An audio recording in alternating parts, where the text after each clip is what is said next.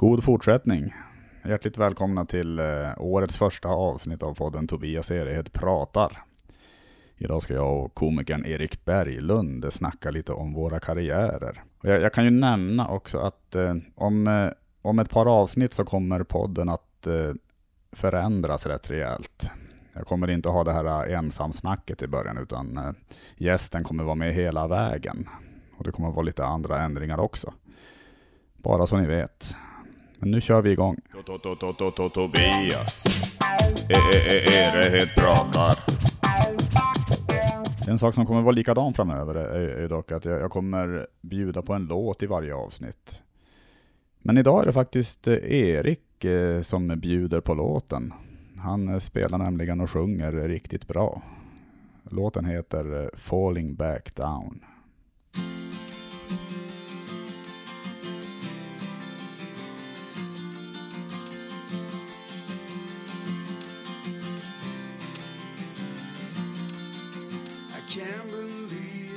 You're standing here after all these years. You broke inside and relieved me from all my fears. But as it went, something started working from within. Hand in hand into a battle we can never win. A sudden dream, sudden shiver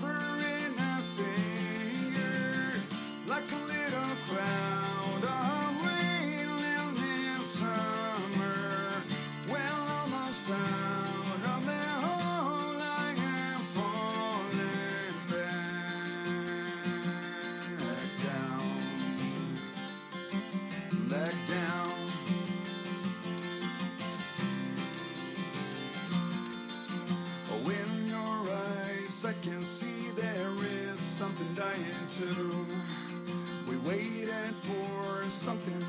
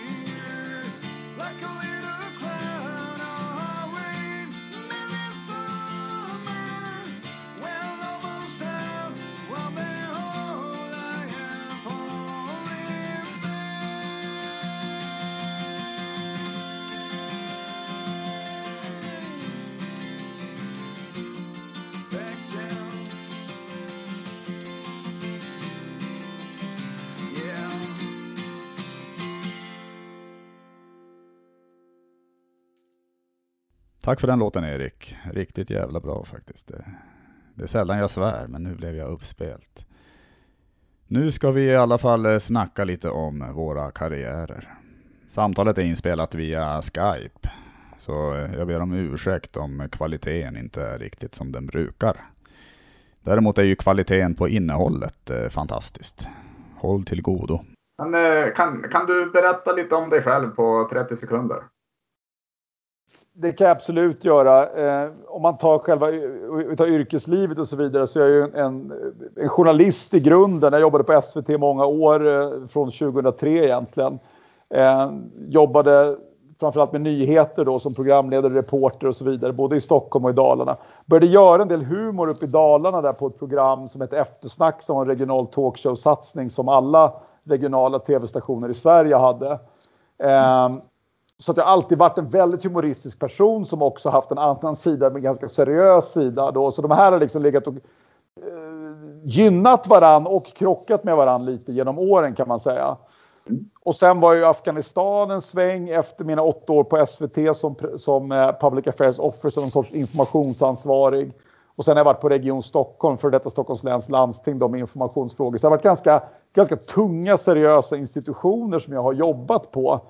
Och ändå kanske haft den här sidan liksom legat där ganska mycket och, eh, och kommit fram bitvis också då. Men man kan väl säga att från och med 2015 så började jag blogga en del och hålla på med, med humor mer öppet. Och göra liksom lite klipp och börja med stand-up och sådär. Så att jag är liksom en late bloomer kan man säga när det gäller, eh, när det gäller stand-up och humor. Det har liksom växt fram kan man säga. Just det. Men det var väl en bra... Det, det tycker jag var bra, bra sammanfattat. Tycker jag. Vad glad jag blir. Ja, mycket bra.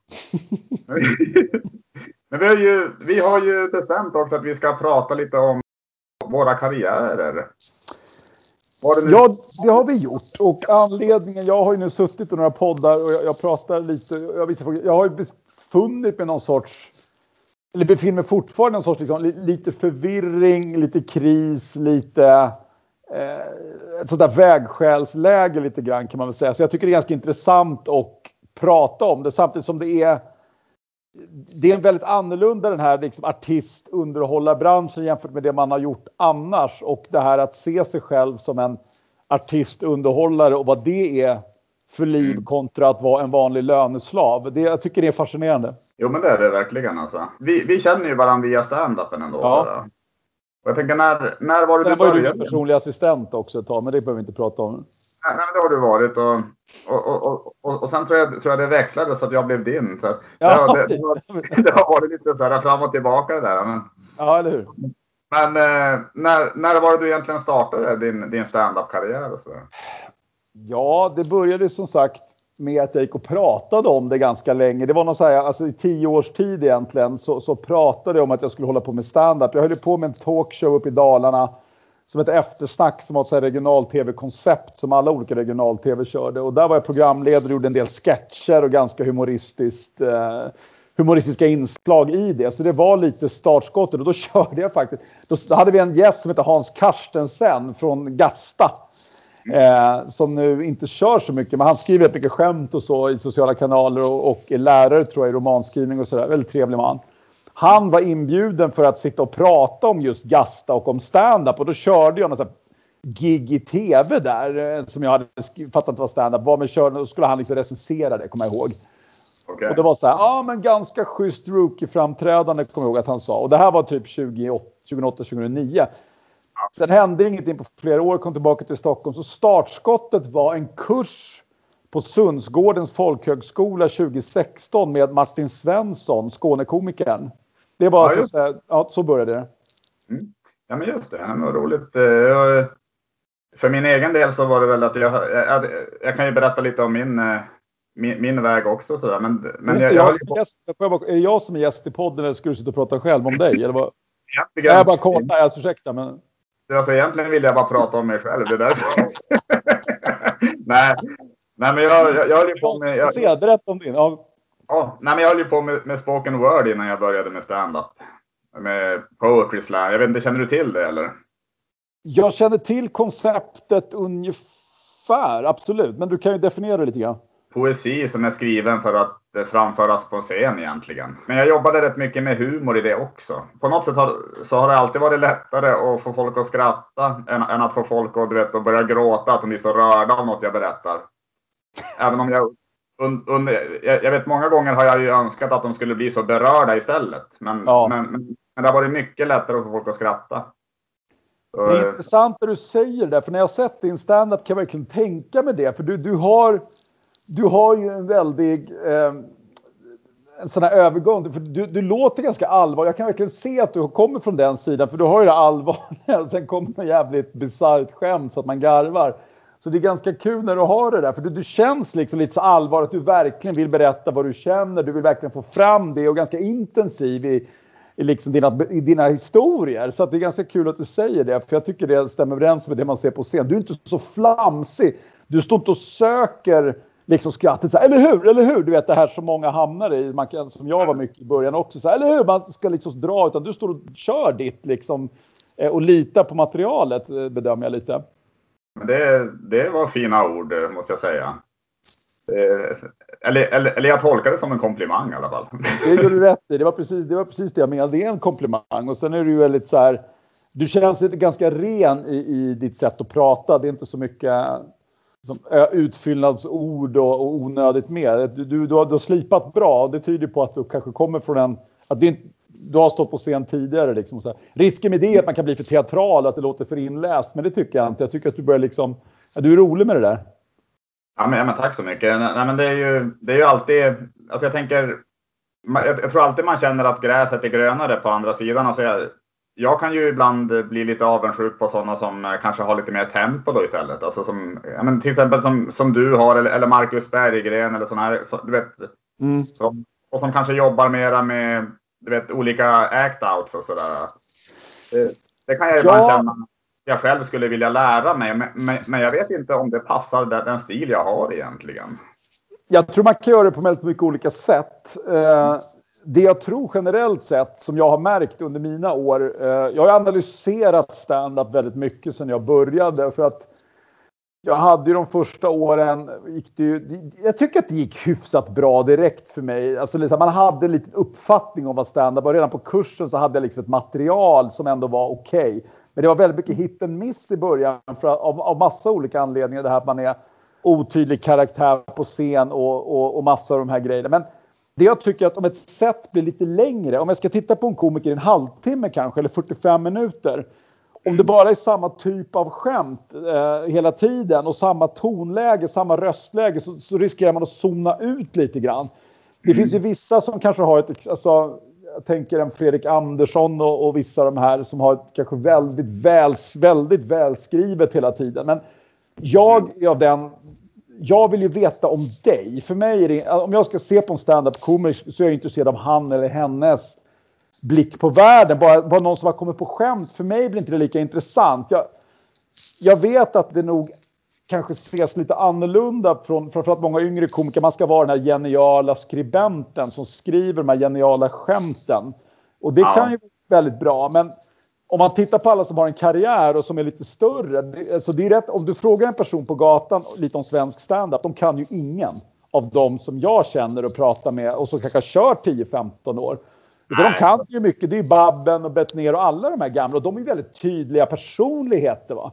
De har sina de här benen och så. Så att jag tror att om man ska köra längre sådär så är det nog bra att kunna vara personlig och hitta roliga grejer från sitt liv och kunna hitta varierat tempo, variera så att man har dels liksom snabba skämt och sen kanske man har act-outs och lite sånt också. Jag tror att det liksom, alltså håller, håller igång publiken lite mer. Och det jag själv har märkt, alltså det som har räddat mig när jag kör längre gig, alltså jag, jag, jag har ju ändå kört, jag, jag har ju någon föreställning som var ändå 40-45 minuter och sådär. Ja, men, men det som har räddat mig mycket det är ju att jag, går, att jag helt enkelt binder in en del publiksnack. Alltså det, det är ganska korta grejer. Alltså jag, är ju ingen, jag är ju ingen komiker som pratar jättemycket med publiken.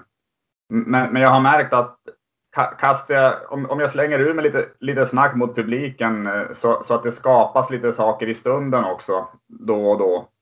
Då, då är det som att jag kan hålla på mycket längre. Alltså, det, alltså man skapar lite luft i gigget tror jag. Har, har, du någon, någon, någon förebild så här kan vi fråga också inom, inom stand-upen? så? Ja, den där frågan får man ju alltid. Och då ska man, alltså, nej, jag, jag kan inte påstå det. Att jag har någon sådär. Jag har ju de som jag tycker är väldigt roliga. Är, det- är det jag som är din förebild? Ja, Kanske, det är eller? du faktiskt. det, det är du, du och Anders Häggström. Det är de här norrländska som, är, som jag tycker om. Eh, jag tycker man, jag tycker jag, alltså man tittar ju på folk. så- Alltså jag hade inte sett så jäkla mycket stand-up. Jag, hade någon sån här, jag, jag, jag kommer faktiskt inte ihåg, men jag hade verkligen bild av att jag skulle hålla på med stand-up. Och då hade jag nog inte sett så supermycket. Jag har ju sett mycket av de stora. Jag tror att det var det var Alex Schulman som sa det att om han ska uppskatta stand-up så måste det liksom vara riktigt jävla bra. Det måste vara det bästa av det bästa. Och är det Ja. inte det så är det helt hemskt att titta på. Jag håller inte med, men jag förstår lite vad han menar ibland. Att, att det finns en viss nivå som är ganska ointressant, som är så här som alla måste igenom på något. Det är väldigt få som blir bra på stand-up och, och även i, och i Sverige också. Jag kan se flera som är väldigt duktiga. Eh, flera som jag har varit på och skrattat jättemycket åt som jag kanske inte tittar på, alltså, som jag kanske inte tycker är så kul att se en special på datorn, men som när jag är där och känner deras energi så tycker att det är skitkul. Jag menar, ta bara eh, till exempel Al Pitcher eh, som, som jag tycker absolut är kul, men han är ju liksom Många av de amerikanska komikerna i Sverige kör ju mycket där att du snackar något, något svenska ord, bara ja, eh, ja men du vet, bara stryktipset och alla skrattar och sådär. Han gör det ju liksom lite smartare så och har hittat sin nisch där. Men jag har sett honom vet, köra på Big Ben och det var så värsta dåliga kvällen. Du vet. Sen kommer han upp och bara slaktar sönder. Att ingen kan typ gå ut därifrån för att de håller på att dött av skratt. Det var ganska sådana där häftiga grejer att titta på. Jag inspireras mycket av Thanos Fotas i början. När jag körde 2016 så var han mycket på Big Ben där och avslutade. Och han var lite kungen där och fick alltid köra sist. Och, och hade några jävligt roliga rutiner och snackade med publiken roligt och så. Så han, han lärde jag mig mycket av då. Berggren har också en otrolig intensitet och framförallt roliga ord. Jag hittar väldigt ro, hade ett speciellt ordförråd och så som han i både text och skrift eh, eh, är roligt. Sen är han ju väldigt så här, han kanske inte ser själv så mycket. Och det kan väl jag känna ibland om man ska säga något om honom så är han egentligen då? Vad, är, vad tycker du är jobbigt på riktigt och inte bara det här liksom, "Äh", det här galna liksom. Sen är det svinroligt men jag gillar personligen, ja men lite Louis CK och de här som är och även Carl Stanley tycker jag är jävligt duktig på liksom att dra smarta skämt. Han är så, Carl Stanley har ju så mycket premisser. Han har mycket smarta spaningspremisser. Hela tiden så är det ny spaning, en ny spaning, en ny spaning. Och det är det som folk inte fattar. Det är det som är stand-up. Du hittar dina premisser. Och, eller om du har roliga, eh, eller roliga såklart imitationer och sånt där också. Men det är ju, någonstans är det ju en premisstävling. Den som har roligast spaningar. För jag märker ju själv, om du hittar en rolig premiss, då bara går det av sig själv efteråt. Då bara, du bara kommer på så mycket saker och det bara är så här, öppnar sig ett landskap med en rolig premiss. Och det är ju så, så och, och de ni vet vad premisser, så det är en grund, någon sorts frågeställning liksom så här. Eh, Det kan, det kan vara vad som helst. Och har du en dålig premiss till exempel, har ni tänkt på skillnaden mellan kvinnor och män? Så där dör man ju direkt av eh, tristess. En av mina favoriter eh, och mina förebilder är ju faktiskt eh, den du nämnde, Lou- Louis CK alltså. Men det är ju det, det, det är då stand-upen som jag... som jag som, det, Ja, det, det är det, hotellrummet innan som du uppskattar. ja, det, ja, det, ja, det är allt det andra som jag uppskattar, inte stand-upen då. Utan det, Nej, men han är också, jag har ju sett honom live också. Han är otroligt, otroligt bra tycker jag. Och liksom naturlig. Och sen så är man väl lite så här, samma ålder. Jag relaterar till en del av de grejerna han drar såklart. Så att det är ju kul. To- to- to- to- to- to- Tobias. E- e- e- Erehet pratar. vilken kändis skulle du helst vilja se utskämd i media? Som är med, att, att vara var, med om någon skandal sen? Jag vet inte. Jag har ju någon sån här grundilska mot Henrik Schyffert. Och det är helt ogrundat. Jag tycker att han är rolig och fruktansvärt duktig. Det är bara att jag är avundsjuk. Och Skulle vara glad ändå om, om, om han var med om någon skandal. Skulle- Nej, jag vill inte att det ska vara någon sån prostitution, inget sånt där skit. Nej, Men jag, så, så här, jag vill inte det, för jag tycker att han är rolig och jag vet att allt handlar om mina egna brister. Det handlar om mina egen, min egen bara liksom avundsjuka på att han liksom har gjort mycket saker. Och, och så kan han ibland tycka att allt inte är svinkul. Och så kan han ibland lägga upp något inlägg och jag vet att hade jag gjort det hade ingen brytt sig. Och sen bara för att det är han ska alla vara där. Men så funkar världen, inte bara det så funkar. Alla vill liksom sola sig i glansen av kända människor. Har det gått som du trodde alltså, sen du började med stand-up, alltså med, just med karriären? Eller, eller bättre eller sämre? Eller, vad, eller, eller, eller kanske en svår fråga. Men. Nej, jag tycker att det är en jättebra fråga. Jag tycker att det är ganska kul att, att, att prata om det. För jag tittar tillbaka nu när jag började på den här. Det var inte alls meningen att det skulle bli så här mycket som det blev. Men det är lite typiskt som jag fungerar. Att jag, jag torskar på det och sen blir det som någon sorts tävling. Och sen har det här. Det har berört mitt innersta vad det gäller bilden av mig själv. Mm. Jag har alltid sett mig själv som en, en, en rolig snubbe och, och som har fått folk att garva liksom. Och så har jag någonstans gått och inte riktigt vågat göra något mer. Och nu när man väl har börjat göra det så har det blivit dels väldigt kul förstås, men sen också lite farligt. För det har blivit som att om jag nu då ger upp den här karriären eller slutar med den, då är det som att jag stänger den sidan i mig själv för gott. Och det Okej. kanske inte är rätt sätt att tänka, men så har det varit lite för mig. Så att det blev på något sätt att jag, jag bara flög iväg på någon våg där. Jag gick den här kursen och det var inte alls meningen att jag skulle köra så här mycket. Sen har jag bara kört, ja det är väl över 400 gig i alla fall man har kört och, och, så. Så det har blivit supermycket och jag bara tvingat.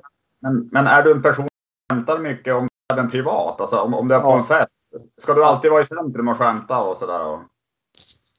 Ja, andra skulle nog säga att jag alltid ska vara i centrum. Nu lät det som att jag målade upp dig som en, jobbig typ. Det, det, det var inte meningen. Men eh, Nej, men det kan väl folk tycka. Alltså, absolut, jag, låter, jag, jag har ju tänkt på det lite genom åren kanske. Att, att jag var nog mer så när jag var yngre. Eh, för jag, ja, jag har väl gjort lite soul searching med det. Jag, jag tycker själv att jag har lugnat ner mig en del eh, jämfört med de tidigare åren. Men det var absolut väldigt mycket så förr. Men jag har alltid skämtat väldigt mycket. Det är, så, det är en så här helt naturlig del av mig, även på jobbet Så i alla situationer så finns det så nära till mig. Sen, jag vet inte hur det är med dig, men när man, sen man börjar med stand-up så är det ju det är som att du har öppnat Pandoras box. va?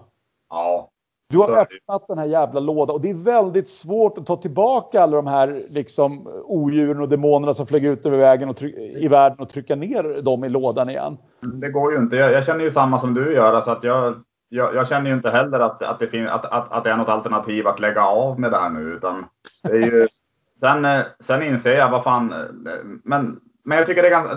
Jag, jag, jag hade en period när jag tänkte att fan, när jag är 60-70 kan jag ju inte åka runt och gigga. Men- det kan man ju för fan visst. Alltså det gör ju komiker som är 70-80 fan alltså.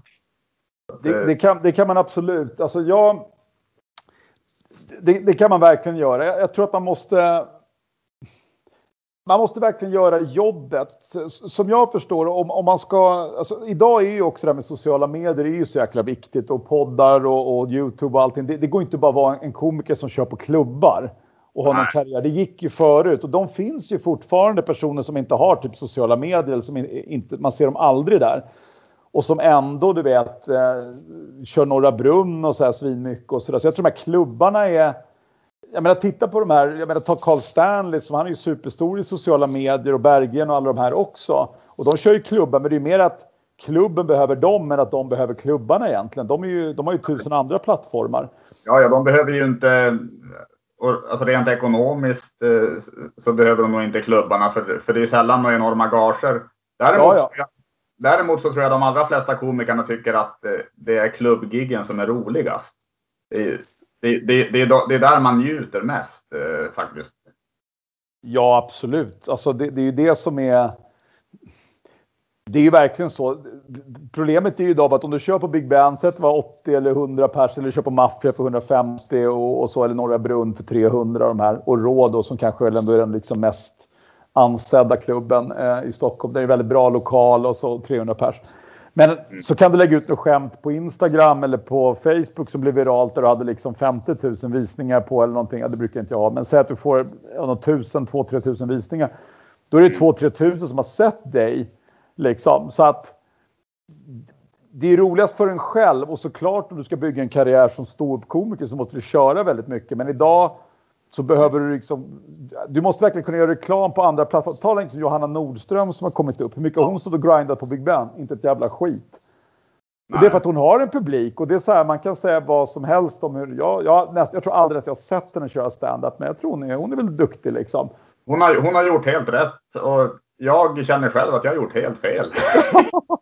Jag, har, jag har ju för fan eh, varit kass på, på sociala medier gen- genom åren.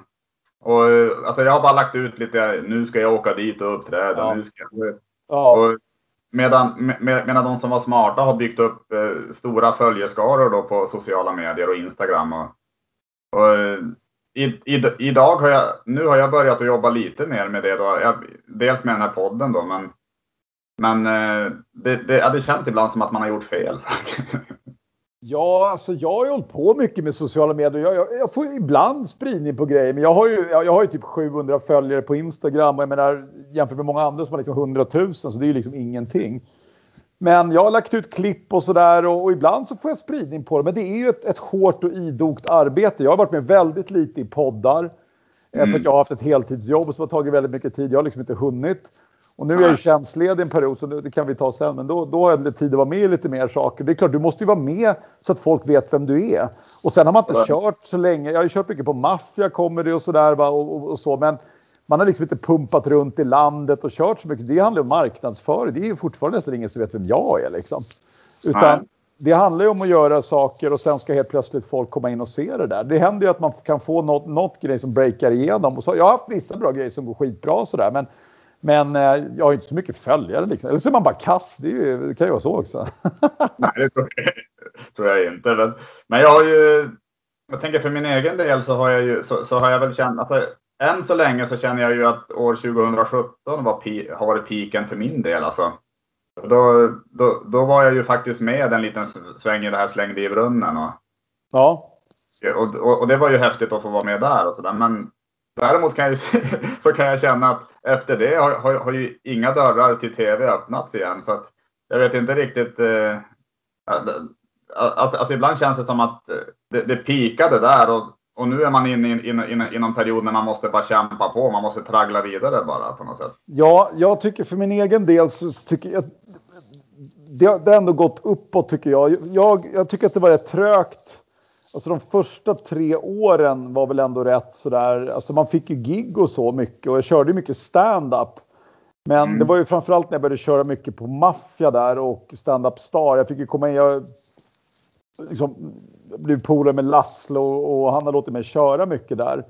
Eh, Så det var förtroendet från honom och han, han hjälpte mig en del. Han är ganska hård, tough love och sådär och, och kan verkligen Ja. säga Fan vad dåligt det där var. och, så här. Och jag uppskattar det för att jag gillar att analysera och bli bättre så att det passade mig ganska bra. Så att jag började tänka lite annorlunda. Och sen fick jag köra väldigt mycket där. Så jag, liksom, senaste året har jag blivit alltså, tre gånger så bra jämfört med vad jag var innan. Om jag får säga själv. Liksom, så har det gått väldigt snabbt uppåt. Och nu börjar jag känna att jag börjar komma i mina bästa stunder på en rätt hög nivå. Att det alltid går väldigt bra. Eh, Mm. Men det där kan ju ändras så att säga. Så att, men det är ju kul på, på, på, på klubbarna att man märker det. Sen kommer ju den jävla coronan och så. Ja. Men för mig har det varit så här. Eh, nu är jag, jag är tjänstledig en period från mitt jobb. Och börjar verkligen söka andra grejer. Men, men, men, men som det är, all, allt det med tv och komma in. Man måste söka något inåt helvete. Det, det finns ju, för skådespeleri finns det hur mycket castingbyråer. Du måste ju höra av dig till alla. Bli medlem på alla jävla castingbyråer. Ligga på som fan. Och vissa har ju kommit in på radion och, och, och fått köra där och fått kontakt. Allt han, det är en jävla... Det är en rövslickare och kontaktbransch liksom. Och du måste bara vara ute hela tiden. Ja, och jag inser ju, det, det är helt sant det du säger och jag inser också att, eh, att, att det är det det hänger på. Man måste ju själv ligga på som fan. Alltså man kan inte vänta på att någon ska höra av sig till en egentligen och, och säga att eh, hej, vill, vill, vill du vara med i det här? Alltså, alltså det, visst, det kan hända, men, men chansen är inte så stor tror jag. Nej men så är det. Nej, men det, är det. Och, och sen bara pumpa ut i, i kanalerna och visa vad, vad som är roligt med dig. Det, det, det är ju det. Alltså, gör man saker folk uppskattar så, så är det väl bra med det. Jag har ju också ställt mig frågan som du ställer. Liksom. Jag, är- jag är så här 45. Jag har ingen familj. Du vet, det, här var inte, det var inte planen att jag skulle sitta där jag sitter nu. Det var liksom inte... Nej, det var inte. Nej, men nej, precis. Ja, men prata med dig, det är, nog, det är fan det trevligaste idag. Och sådär. Men det har varit svårt, så här, för jag har ju haft en rätt... Om vi tar mitt andra, mitt yrkesliv, så har jag väl ändå har jag gjort en rätt bra karriär. Liksom haft jobb, välbetalt jobb och... och Mm. bara att jag har hållit på mycket i en bransch med, med medier, medieträning, eh, hanterat otroligt mycket mediefrågor. Att jag, och jag är lite trött på det på något sätt. Så kommer man till någon vägskäl när man bara ska aldrig göra någonting med min humor och hela den här grejen. Eh, så jag står i någon sorts situation just nu där jag är tjänstledig en period nu och kommer kunna hålla på mycket med, med, med både kanaler. Jag funderar på att starta upp en YouTube-kanal nu och börja skildra min humorresa lite grann. Jag håller på mycket med tv och klipp och så där, så jag är bra på det. Så jag tänker försöka hitta grejer där. Samtidigt är det så här, vad ska man få in pengar på? Va? Det, det är ju det här, ska, alltså, vad är det för liv man ska ha? Ska man sitta en etta i Hökarängen och liksom få in 15 i månaden? Är det det? Och det kan ju vara värt det. Men, men man måste ju ställa sig frågan va? Ja, men du har ju, du har ju absolut, jag, jag jag har sett en del av det, du- av det, av det du har lagt ut, det du har filmat med sketcher. Alltså jag, tycker det är, jag tycker det är roliga grejer. Alltså det, det, det, det är som en egen stil tycker jag du har på de där också. Så. Vad, är du, vad är du mest nöjd med hittills i, i din eh, stand-up-karriär? Och så? Menar du gig eller? Eh, ja, eller rent eh, generellt, alltså om det är någonting som du mest... Alltså det kan ju vara att det, att det är någon komiker du, som du såg upp till som gav dig beröm, eller det kan vara ett gig som gick fantastiskt bra. Alltså det, det kan vara lite vad som helst egentligen. Ja, jag hade det senast, ja, ett gig här för någon månad sedan på Maffia. Jag la, la faktiskt ut det, det var 16 minuter. Och det tyckte jag var riktigt hög klass på. Jag tyckte det var hög svensk, det var svensk toppklass på det giget tycker jag. Mm, okej. Eh, och jag ser mig ju själv i mina bästa stunder vara minst lika rolig som de bästa i Sverige. Och det står jag för varenda jävla sekund. Eh, och det, ska, det förtjänar jag att få uppmärksamhet för. Jag kommer döpa det här avsnittet till det. Jag ser mig själv som en av de absolut bästa i Sverige och det står jag för varenda jävla sekund. Det ska, det ska vara. Det där får man äta upp. Vet du. Nej, men jag tror man måste ha självförtroende. Absolut inte jämnt sådär, men jag tycker att det gigget var det jag tycker är kul med stand-up. Jag satte grejerna, jag tyckte det var roliga act-outs. Jag hade publiksnack, jag tyckte det var ett jävla... Det var underhållning. Det var fan bra underhållning. Och det står jag för. Det var bra. Sen har jag haft tusen gig som inte har varit det. Men det där giget var det. Och det, det är det bästa gig jag har gjort i alla fall. Det tycker jag. Ja, fan vad kul alltså. Okej, men, men, men då kommer nästa fråga. Ja. Vad är du minst nöjd med?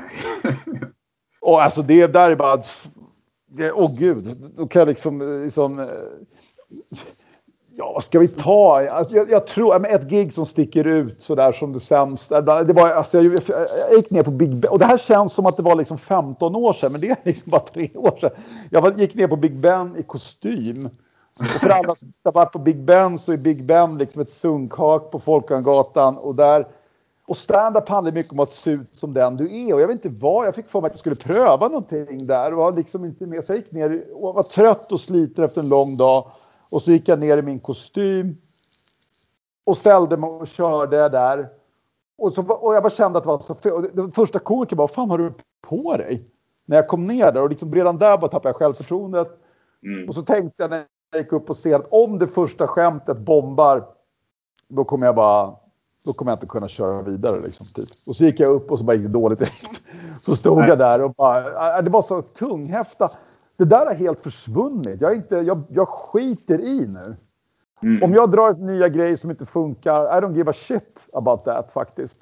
Eh, utan jag, har ett, jag, jag har ett mål med de gig jag kör. Då är det så här, då, då ska jag testa det här skämtet. Eller jag ska, jag, om jag ska släppa mig iväg till Big Ben och så, då vill jag alltid ha ett syfte. Antingen att jag ska liksom slipa på någonting eller att jag ska värma upp för något annat gig eller så. Jag åker inte bara dit och står och drar någon sorts A-game, utan det måste finnas en utmaning.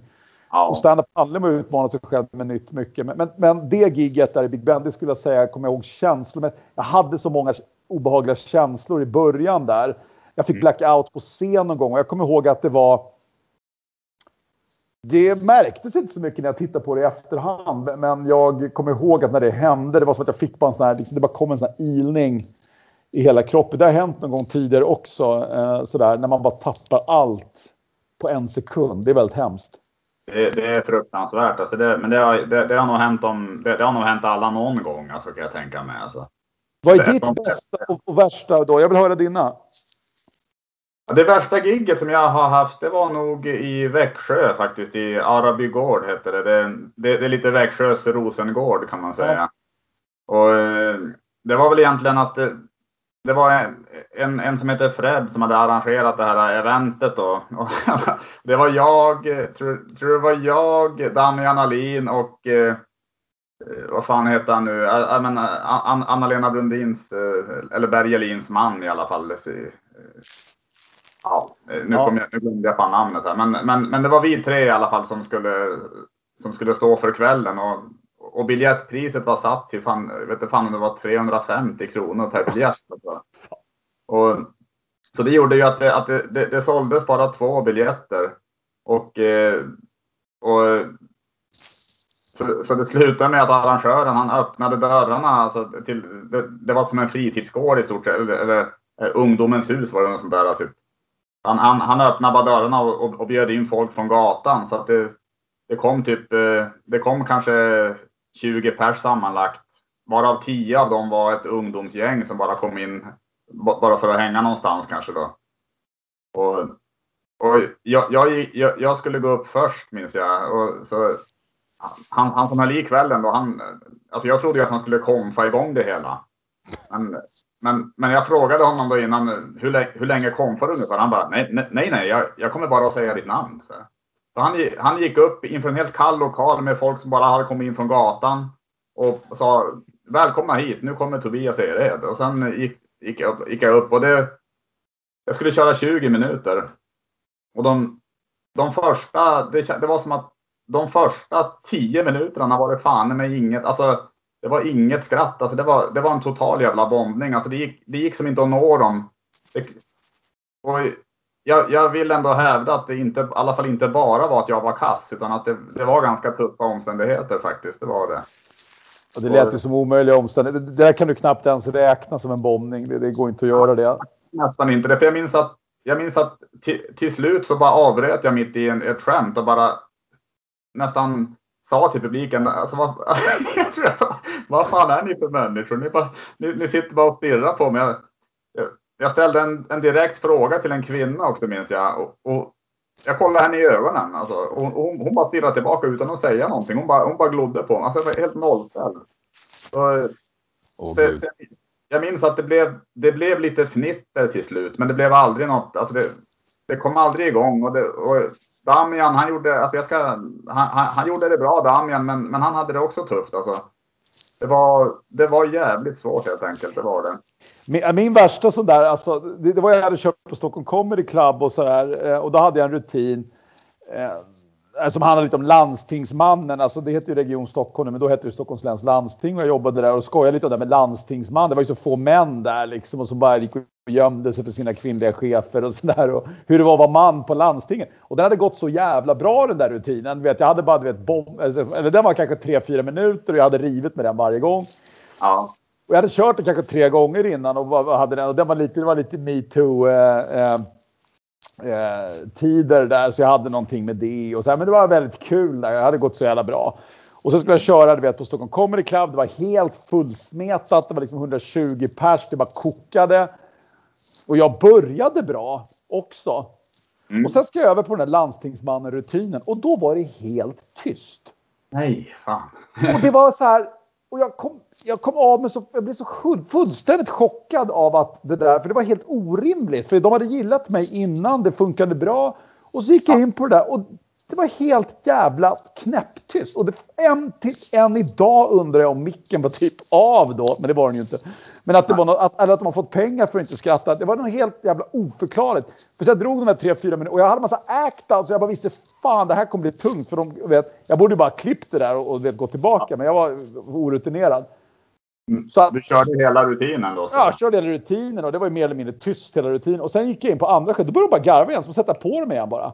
Om du inte uppnått, eh, alltså nu är det, det här är kanske en svår, en, en dum fråga egentligen, men om, om du inte uppnått eh, de, de, det mål du har med din standup och så eller med tv så här, typ om tio år, tror du att du ändå kommer att fortsätta eh, och, och kämpa med det? Alltså, eller, eller, eller, eller, eller tror du att det, att det kan finnas en, en risk för att du lägger av någon gång? Eller?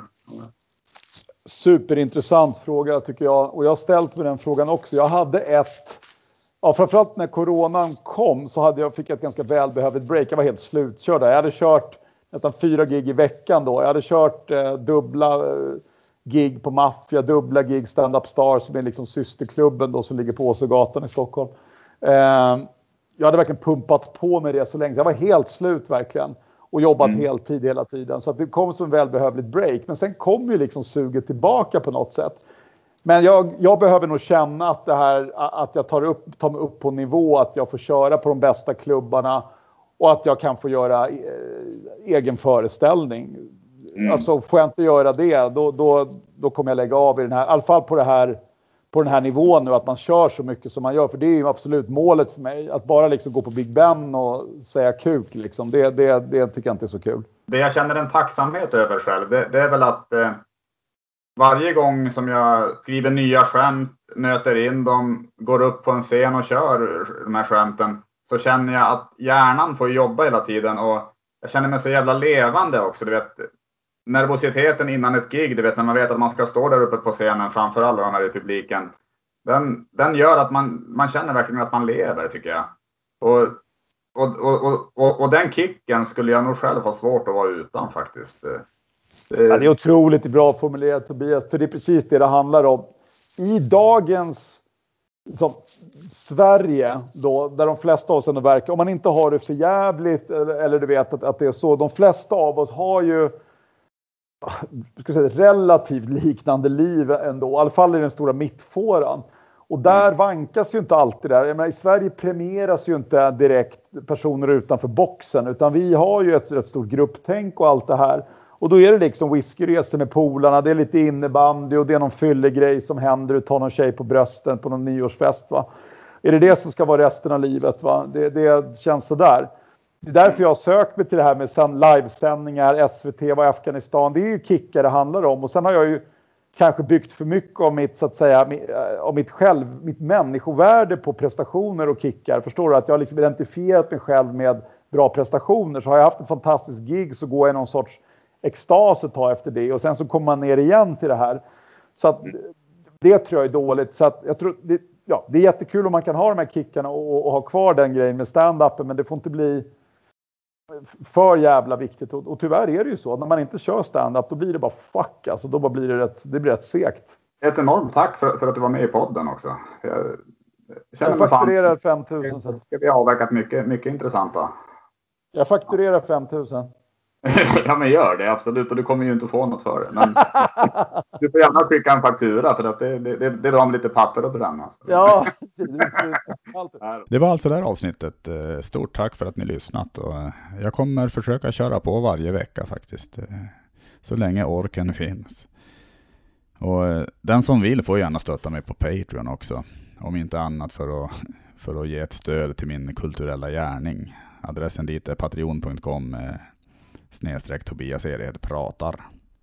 Nästa vecka kommer jag och komikern Viktor Eriksson och snacka lite om det paranormala. Ha det fint! Tobias eh, eh, eh, Erehed pratar.